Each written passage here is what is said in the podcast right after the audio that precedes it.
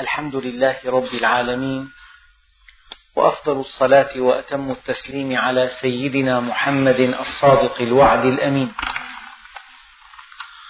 اللهم لا علم لنا إلا ما علمتنا إنك أنت العليم الحكيم. اللهم علمنا ما ينفعنا وانفعنا بما علمتنا وزدنا علما. وأرنا الحق حقا وارزقنا اتباعه. وأرنا الباطل باطلا وارزقنا اجتنابه. واجعلنا ممن يستمعون القول فيتبعون أحسنه. وأدخلنا برحمتك في عبادك الصالحين. وصلنا في الدرس الماضي إلى قوله تعالى ويستنبئونك أحق هو. يعني هذا الوعد الذي تعدنا. وهذا الوعيد الذي تتوعدنا. أحق هو بمعنى أواقع أمنجز سوف نأتيه قل إي وربي إنه لحق. وما أنتم بمعجزين. يعني أآمنتم أم لم تؤمنوا؟ أعرفتم أم لم تعرفوا؟ أصدقتم أم لم تصدقوا؟ أكنتم أقوياء أم ضعفاء؟ أغنياء أم فقراء. ما أنتم بمعجزين. أي لن تستطيعوا أن تفلتوا من يد الله عز وجل. لن تستطيعوا. وما أنتم بمعجزين. ويستنبئونك. أحق هو. يعني هذا كلام خطير. بعض المنافقين في عهد النبي صلى الله عليه وسلم قال كلمة قال لو أن محمدا صادق فيما يقول لكنا أجهل من الحمر لو كان صادقا. وهذا كلام ينطبق على كل مكان وزمان. إن كان هذا الكلام الذي يقوله الله عز وجل حقا وحدنا عنه فهذا منتهى البعد عن الموضوعية منتهى الغباء منتهى الشقاء. عذاب أليم بئيس أبدي. ولا نتقيه جنة عرضها السماوات والأرض ولا نعمل لها. حياة الدنيا كلمح البصر. كساعة من ساعات النهار. لذلك ويستنبئونك أحق هو. قل إي وربي إنه لحق. وما أنتم بمعجزين. يعني أنا الذي أتمنى عليكم أن تحددوا موقفكم من هذا الكتاب. إما أنه على إما أنه حق من عند الله فمعنى هذا أن مخالفته شقاء شقاء أبدي. وإما أنه ليس من عند الله أين البرهان؟ ومن يدعو مع الله إلها آخر لا برهان له به فإنما حسابه عند ربه. كيف الإنسان تستقر نفسه؟ كيف يتوازن داخليا؟ كيف بينام ملء عينيه وهو يعلم أن هذا الكتاب حق وأنه لا يطبقه. كيف؟ كيف بيحقق توازن داخلي كيف بيقول لك الحمد لله ماشي الحال؟ كيف تقول هذا الكلام وأنت تعلم علم اليقين أن هذا القرآن الكريم؟ وإن الدين لواقع يعني ما جاء به من وعد ووعيد إنه لحق. كيف تقبل أن تأكل درهم ربا؟ والله سبحانه وتعالى يقول يمحق الله الربا ويربي الصدقات. فإن لم تنتهوا فأذنوا بحرب من الله ورسوله. كيف تطلق بصرك في الحرام؟ والله سبحانه وتعالى يقول قل للمؤمنين يغضوا من أبصارهم. ويستنبئونك أحق هو. قل إي وربي إنه لحق وما أنتم بمعجزين. يعني ملخص الكلام أن الإنسان يجب أن يأخذ موقفا واضحا. إن كان هذا الكتاب من عند الله وهو حق اليقين وسوف آه، يتحقق وقوعه في المستقبل فكل من حاد عنه قد شقي في الدنيا وشقي في الآخرة. أما إذا كان لست متأكدا من أنه من عند الله أو لم لا تعبأ بما فيه من مضامين وما فيه من تشريعات وما فيه من وعيد ووعد إن كنت كذلك أين البرهان؟ إما أن تقبله على بينة وإما أن ترفضه على بينة. أما أن تترك نفسك هكذا بشكل غير واضح هذا ليس من الإسلام في شيء. وليس من المنطق في شيء. ولو أن لكل نفس ظلمت ما في الأرض لافتدت به. يعني في كلمات نقرأها ونمر عليها هكذا. يعني مثل مربع ببعض الأسواق الرائجة حقه 250 ألف ليرة متر مربع. وإذا كان 30 متر محل تجاري وإذا عندك محلين وإذا عندك محلين وطابقين وإذا كان هالشارع كله إلك من أول بناء لآخر بناء وعلى الطرف الثاني وشارع ثاني وشارع ثالث وشارع رابع ولك شارع مماثل له في مدينة أخرى رائجة. إذا كان كل متر ربع مليون ليرة عندك مجموعة شوارع. إذا كانت المدن الكبرى كلها ملكك مكاتبها ومحلاتها وأبنيتها. الشركات الرائجة في العالم كلها ملكك. جميع الفنادق ملكك. جميع شركات الطيران ملكك. جميع شركات الأسلحة. هذه التي حققت أعلى ربح في العالم. ملكك. وحينما يرى الإنسان العذاب يتمنى أن يدفعها كلها وينجو. ولكنه لم لا ينجو. ولو أن يعني التفصيل أحيانا يعمق المعنى. أيام الإنسان مزهو بمستودع. بيقول لك هذا بدي فيه 600 ألف. بيكون مزهو بطابق. لك بدي فيه مليونين. تصور أبنية دمشق كلها لك. جميع الأبنية السكنية والتجارية. والسياحية. دمشق ولندن وباريس وواشنطن والعواصم الكبرى. جميع الشركات الكبرى في العالم. ولو أن نعم.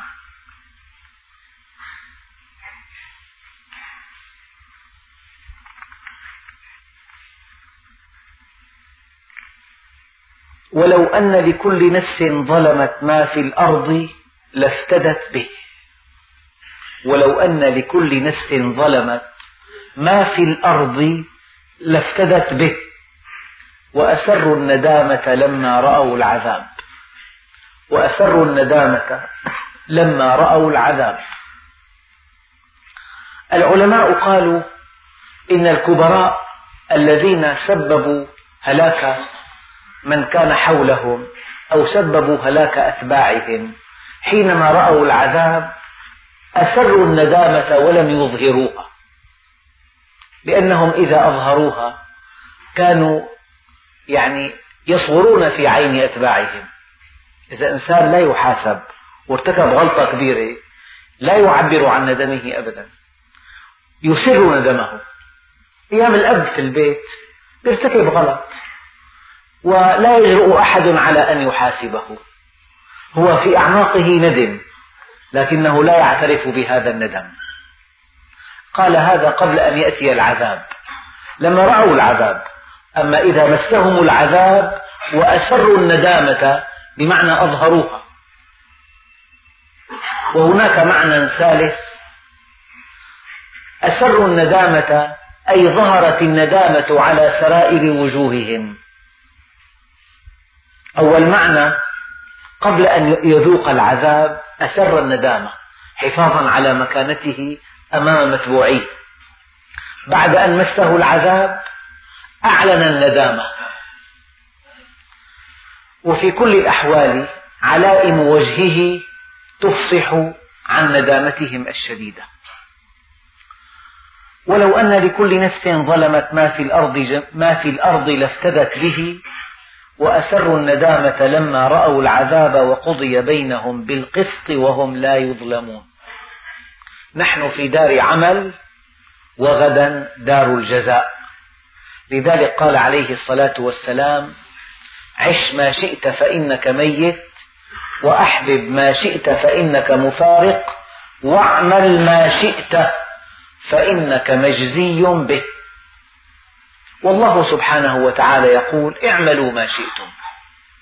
ليس هذا من باب ليس هذا من باب أن الأعمال كلها مباحة ولكن هذا من باب التهديد. اعملوا ما شئتم. كل عمل سوف تحاسبون عليه. وأسروا الندامة لما رأوا العذاب وقضي بينهم بالقسط وهم لا يظلمون. يعني حتى الشاة التي نطحت أختها يقتص لها يوم القيامة.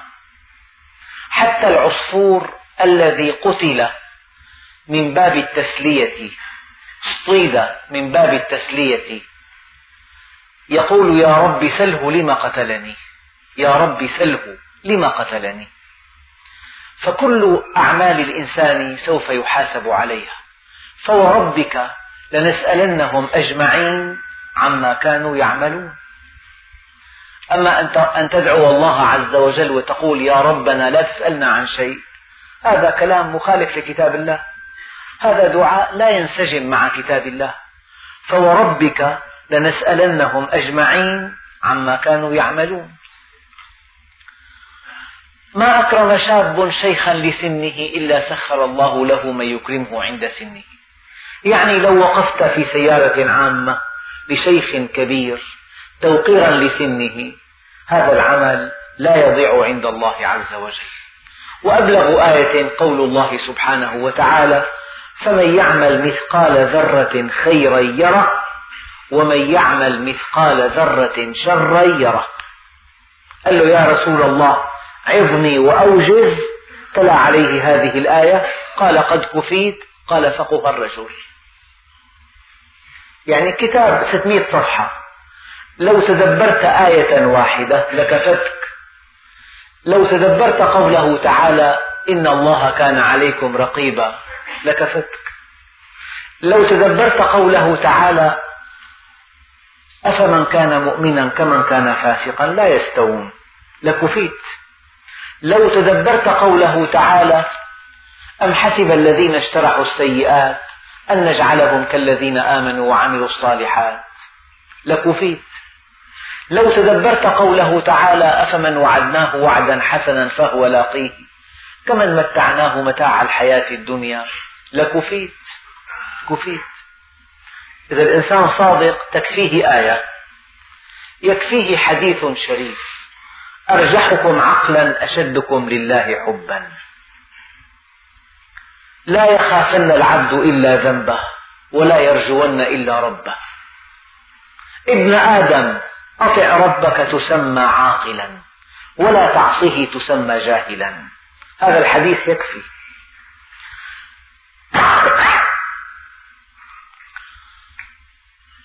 كفى بالمرء علما أن يخشى الله. هذا الحديث يكفي. الصادق ما بده كلام كثير الصادق بتكفيه كلمة.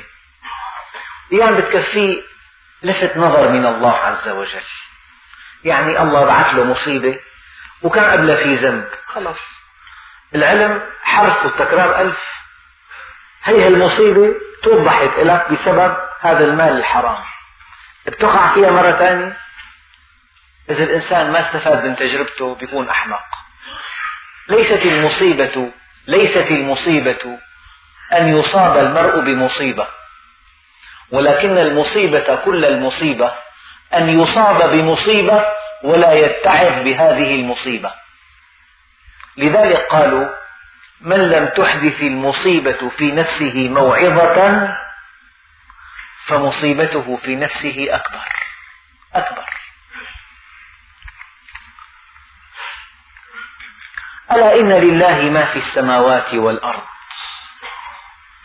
ألا إن لله ما في السماوات والأرض كل شيء في السماوات والأرض ملك الله عز وجل إيجادا وتصرفا ومصيرا.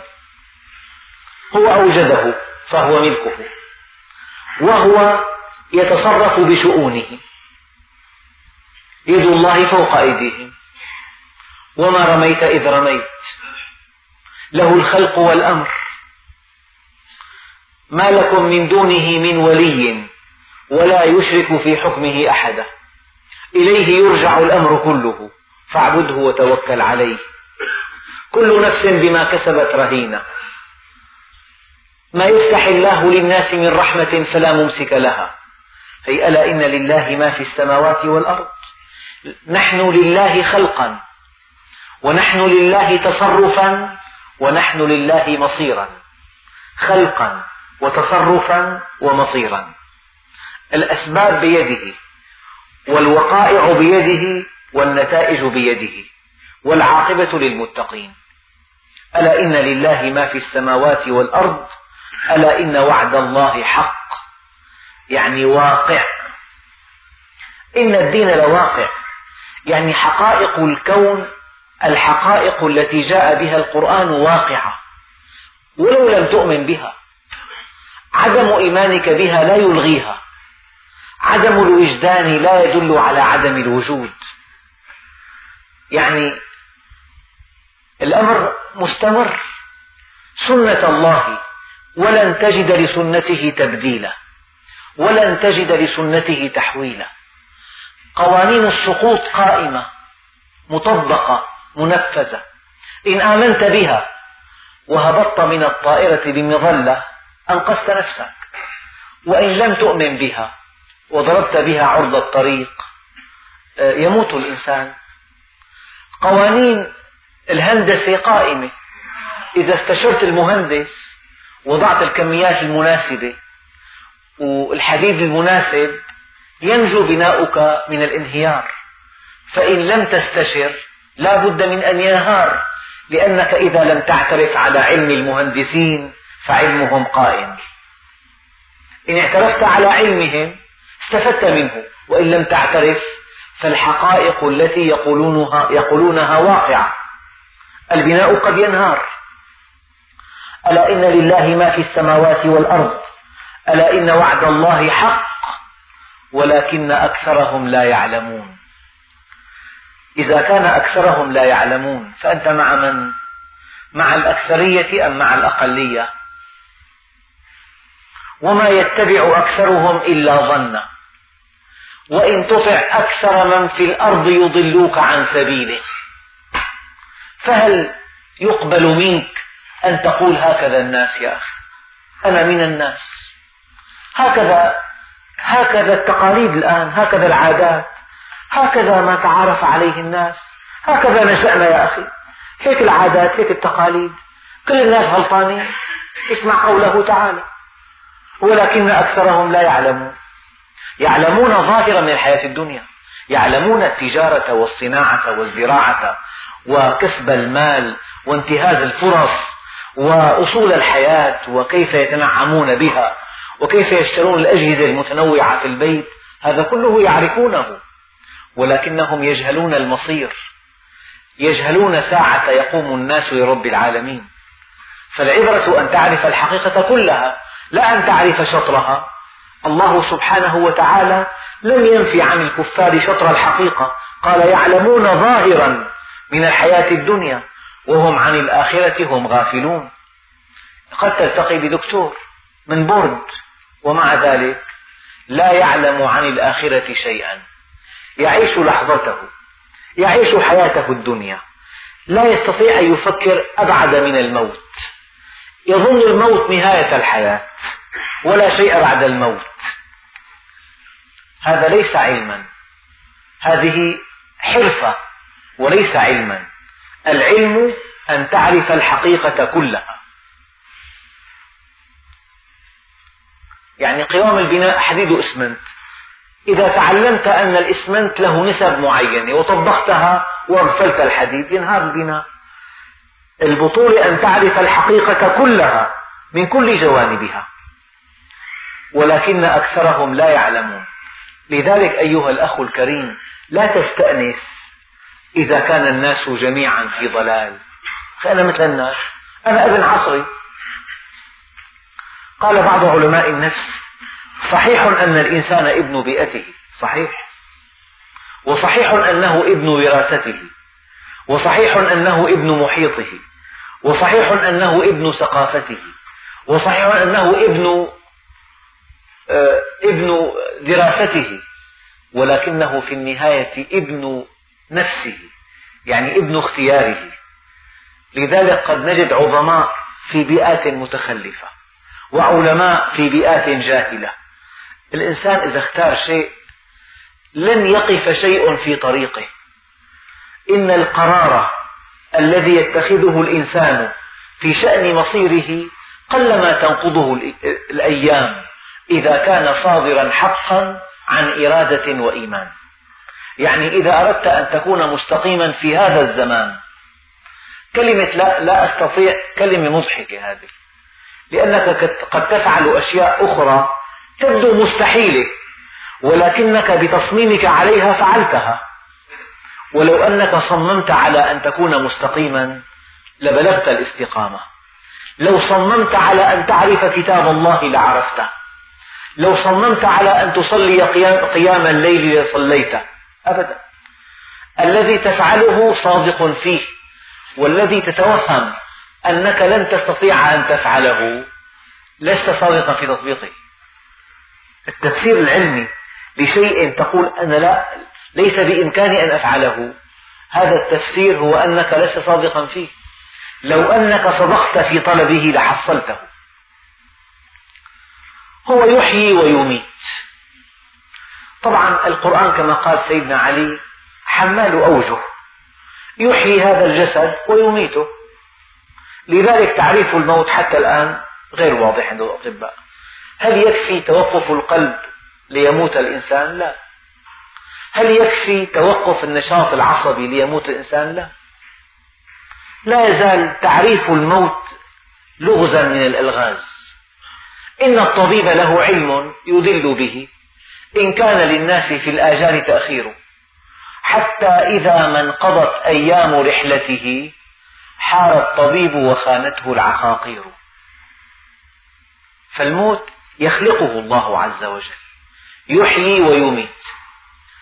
فكم من فتى مات من غير علة وكم من صحيح من عليل عاش حينا من الدهر. تزود من التقوى فإنك لا تدري إذا جن ليل هل تعيش إلى الفجر. فكم من عروس زينوها لزوجها وقد قبضت أرواحهم ليلة القدر. وكم من أناس يرتجى طول عمرهم يعني ماتوا قبل الأوان هو يحيي ويميت.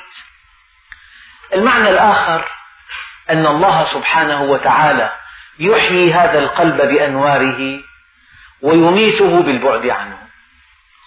في حياة من نوع آخر. الحياة حياتان حياة الجسد وحياة القلب. حياة الجسد معروفة.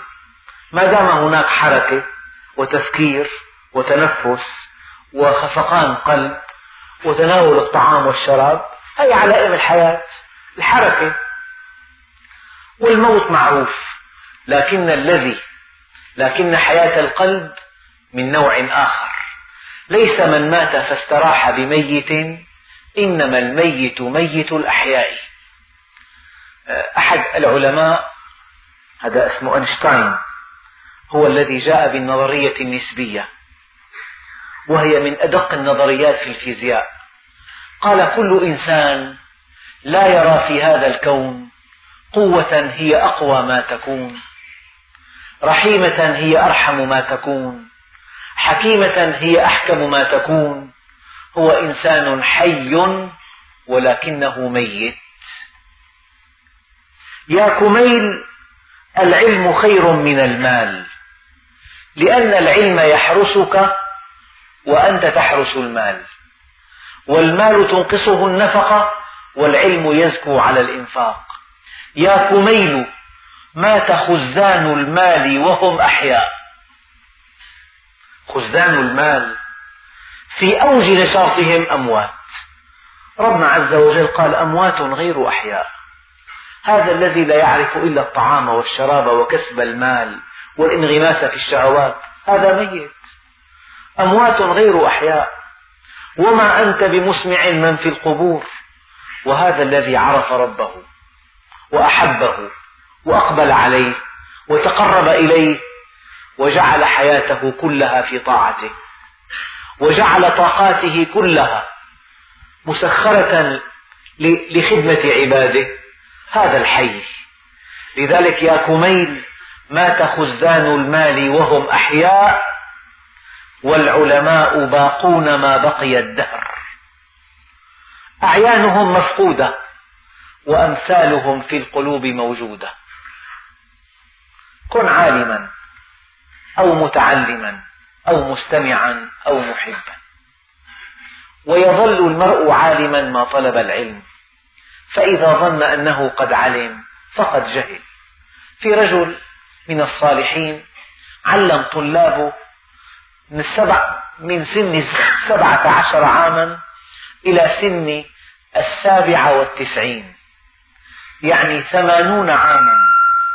وكان إذا سار في الطريق ورآه أحد تلامذته يقول له أنت فلان. وكان أبوك تلميذي. وكان جدك تلميذي. وكان يتمتع بصحة جيدة.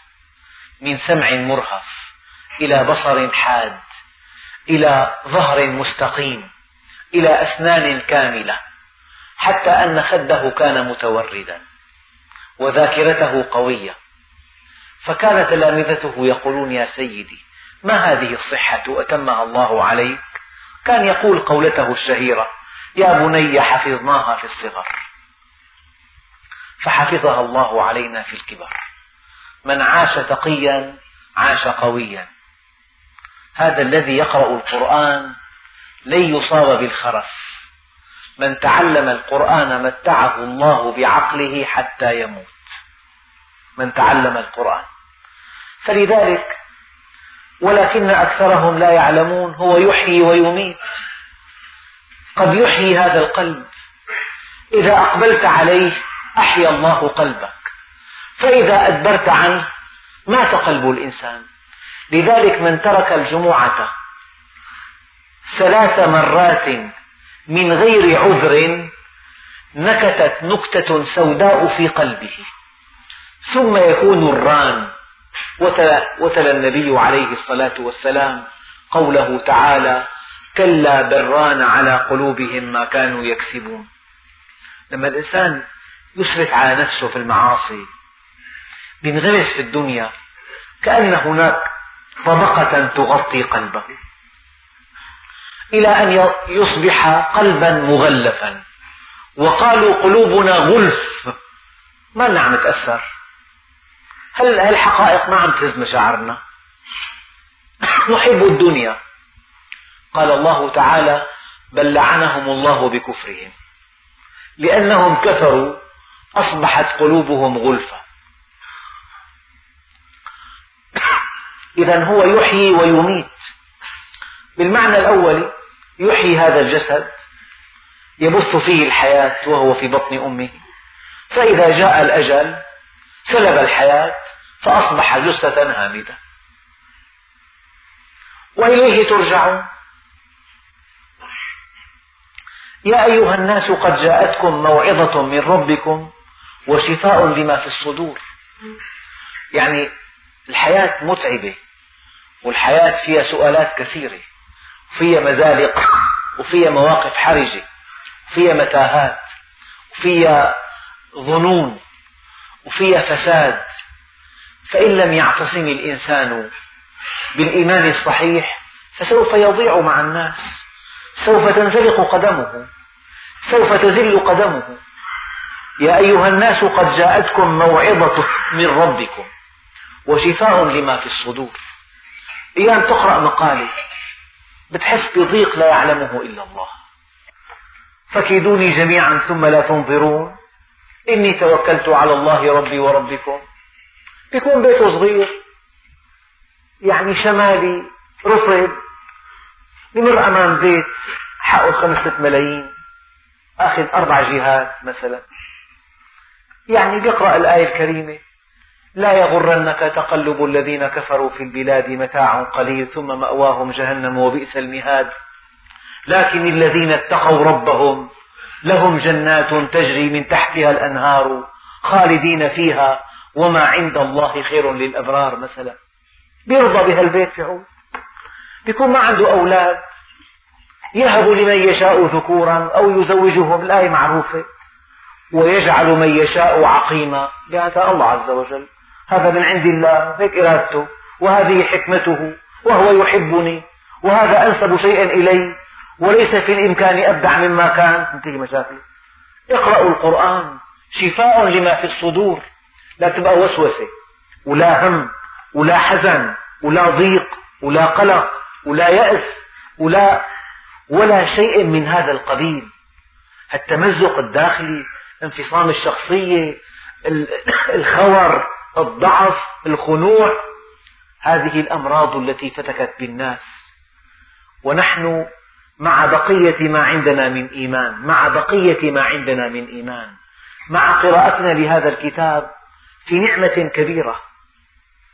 عقد مؤتمر للأمراض النفسية في بعض المدن الأجنبية وذهب من سوريا دكتور في علم النفس.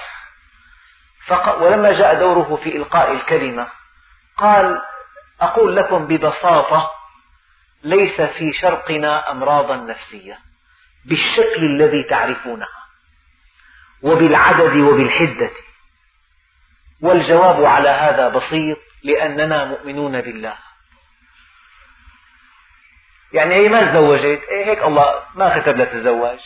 تلاقي عم تصلي وتصوم عملت حج حج مرتين وعمرتين ثلاثة. وردة وصلاة عم تخدم أخوها وأولاد أخوها عايشة بسعادة كبرى هذيك تنتحر هنيك طبعا يا أيها الناس قد جاءتكم موعظة من ربكم وشفاء لما في الصدور. لا يحزن قارئ القرآن. لا يمكن تحزن. إذا في قرآن صحيح. إذا كنت تقرأه وتعقله وتفهمه وتطبقه لا يمكن أن تحزن.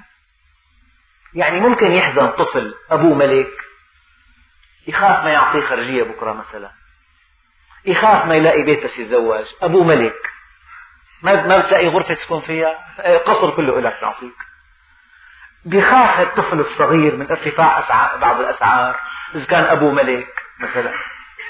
هيك المؤمن فإنك بأعيننا قال له يا عبدي أعطيتك مالا فماذا صنعت فيه؟ قال له يا ربي لقد أنفقته على كل محتاج ومسكين. لثقتي أنك أنك خير حافظا وأنت أرحم الراحمين. فقال يا عبدي أنا الحافظ لأولادك من بعدك. حتى إذا كان سافرت تقرأ دعاء السفر اللهم أنت الرفيق في السفر والخليفة في الأهل والمال والولد تروح اطمئن. إذا واحد ما قرأ الدعاء ترى ابني طلع من البيت باندفاع شديد مرت سيارة اندهس صار له شيء وعي إبريق الشاي على وشه حرق له إياه ما تعرف بيتم قلق الإنسان.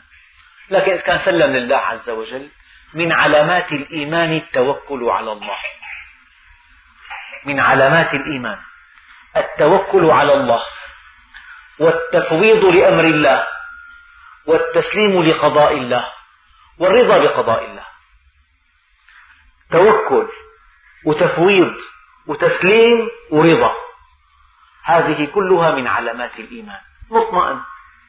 قال له يا أبا الدرداء لقد احترق المحل. دكانك. قال ما كان الله ليفعل. يا أبا الدرداء لقد احترق دكانك. قال ما كان الله ليفعل. إلى أن جاءه الخبر الصحيح. لم يحترق دكانه. قال أعلم ذلك. مطمئن؟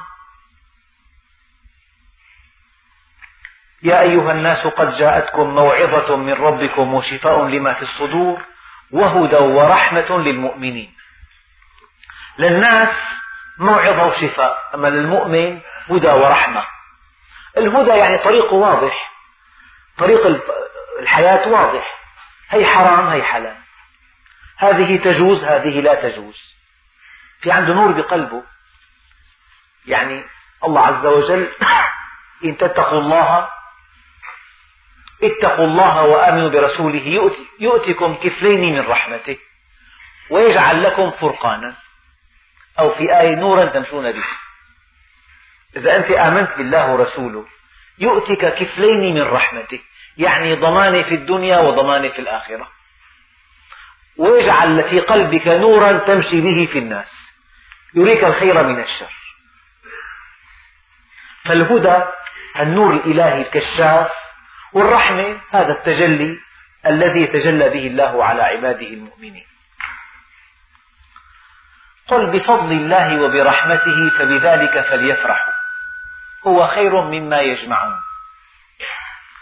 طبعا الله سبحانه وتعالى يحب الرجل المؤمن. إذا فرح بعطاء الله. أما إذا فرح بالدنيا فهذا دليل سخفه ما استرذل الله عبدا إلا حضر عليه العلم والأدب. شافه سخيف شهواني أرضي يحب الدنيا يحب المتعة الرخيصة. مادي أناني همه بطنه قبلته زوجته. إن رآه كذلك عاقبه عقابا أليما. ما مرضه؟ لا. ما خلاه يفلس؟ لا. ما خلاه على حاله. لكنه حضر عليه العلم والأدب. هي مو لك هي اتركها هي اتركها لعباد الصالحين. لا علم ولا أدب غليظ. وقح. ساخر. متكبر. لئيم. والعلم لا يفقه في الآخرة شيئا. يجيب لك كلام عام لك آية بالقرآن هي لأنه آية هي, آية. مو فهمان شيء. مو فهمان الآية من الحديث من قول العامة. بيقول لك خبي قرشك الأبيض ليومك الأسود مو بالقرآن آية سيدي أنه آية. هي آية؟ ما استرذل الله عبدا إلا حضر عليه العلم والأدب. جاهل. خلى جاهل لئيم. أما أما قارون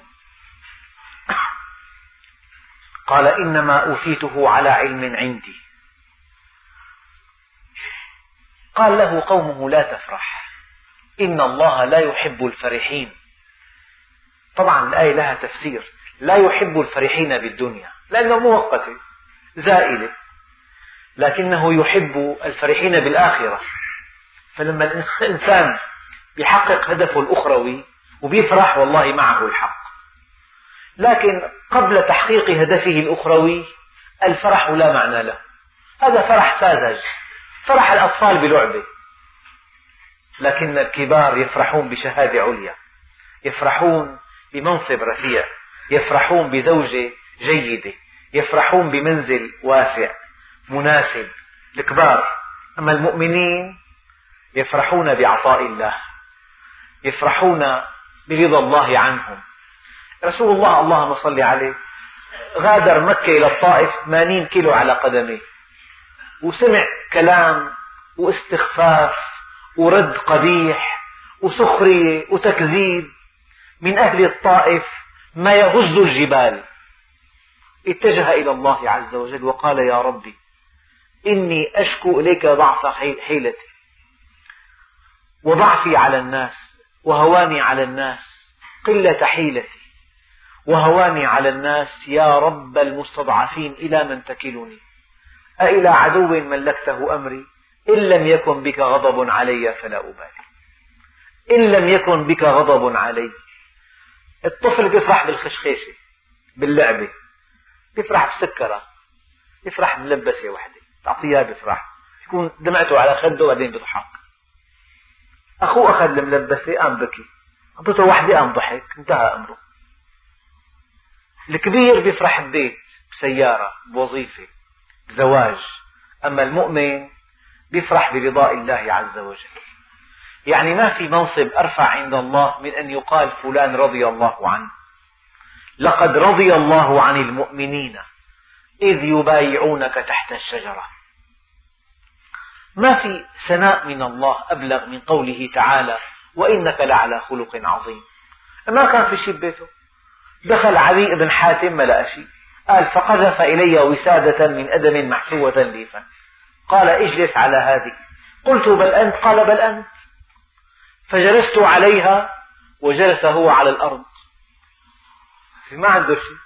كان إذا صلى قيام الليل أمر السيدة عائشة أن ترفع رجليها لأن حجم الغرفة لا يتسع لنومها وصلاته. قال له وإنك لعلى خلق عظيم. اضطجع على الحصير فأثر على خده الشريف. دخل عليه عمر رضي الله عنه فصار يبكي. قال له يا عمر لم تبكي؟ قال رسول الله ينام على الحصير. وكسرى ملك الفرس الفرس ينام على الحرير. قال يا عمر إنما هي نبوة وليست ملكا. أنا مالي ملك؟ هي نبوة هي؟ أساسا في واحد خليفة أموي سأل أحد التابعين قال له أنا خليفة أم ملك؟ قال له إن كنت قد جبيت درهما من غير حقه درهم واحد وأنفقته في غير حقه فأنت ملك ولست خليفة. قال له إنما هي نبوة وليست ملكا.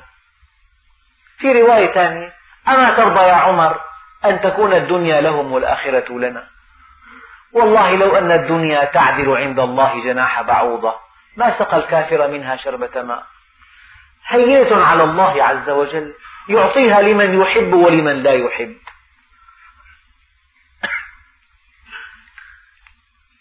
في ثماني آيات في كتاب الله ثماني آيات حصرا المترفين هم الكافرون. كفروا وأترفناهم في الحياة الدنيا. المترف اللي بحبوحة مذهلة ينفق أموال بغير حساب هؤلاء ليس لا شأن لهم عند الله عز وجل. قل بفضل الله وبرحمته فبذلك فليفرحوا هو خير مما يجمعون. لذلك قال الله عز وجل ورحمة ربك خير مما يجمعون. وفي ذلك فليتنافس المتنافسون. لمثل ذلك فليعمل العاملون. تعال أله معنا يا محمد كان طفل صغير. قال لم أخلق لهذا. لم أخلق لهذا. أنا خلقت لأعرفه وأتقرب إليه. هو ونحن قل أرأيتم ما أنزل الله لكم من رزق فجعلتم منه حراما وحلالا. قل الله أذن لكم أم على الله تفترون. العلماء استنبطوا من هذه الآية أن الحرام ما حرمه الله والحلال ما أحله الله. ولا, ولا يحق لبني البشر أن يحللوا هم أو أن يحرموا. بل إنه ليس تحريم الحلال بأقل من تحليل الحرام. الحلال ما أحله الله والحرام ما حرمه الله.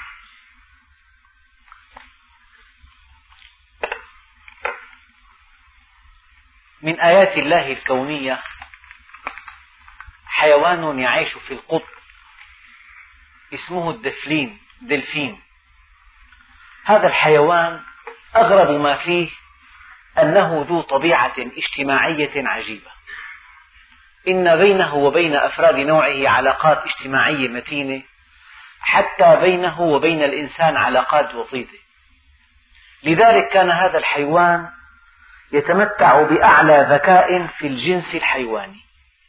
أعلى درجة من الذكاء في الحيوان في هذا الحيوان موجود. يعني قد يتواجد في بعض الموانئ فيقود بعض السفن إلى طريقها الصحيح. ينقذ بعض البحارة. يعقد صداقات مع بعض الغواصين.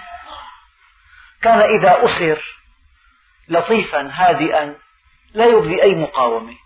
وكأنه واثق من الإنسان أنه لن يؤذيه. هذا الحيوان هناك لغة فيما بينه وبين أفراد نوعه. حتى إنه يردد بعض كلمات الإنسان.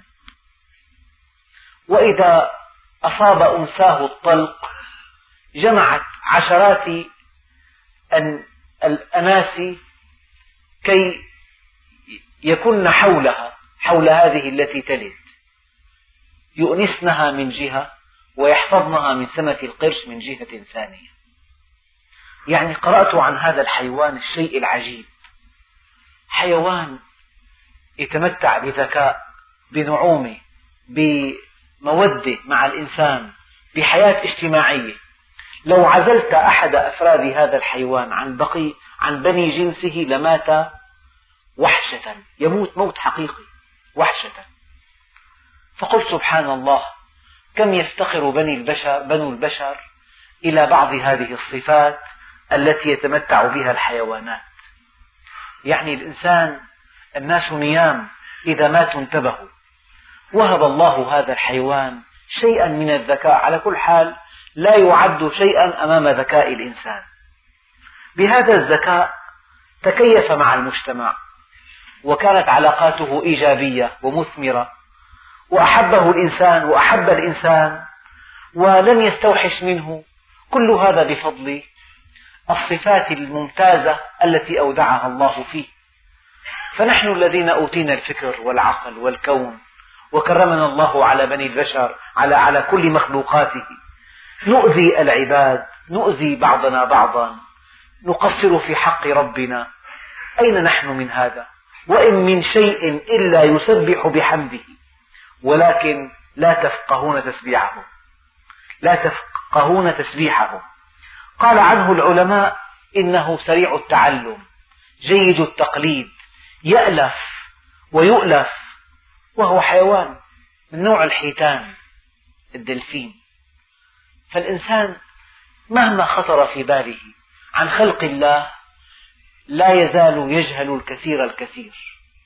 عن بعض الصفات الممتازة التي أودعها الله في الحيوان. أما نحن ولقد كرمنا بني آدم وحملناهم في البر والبحر.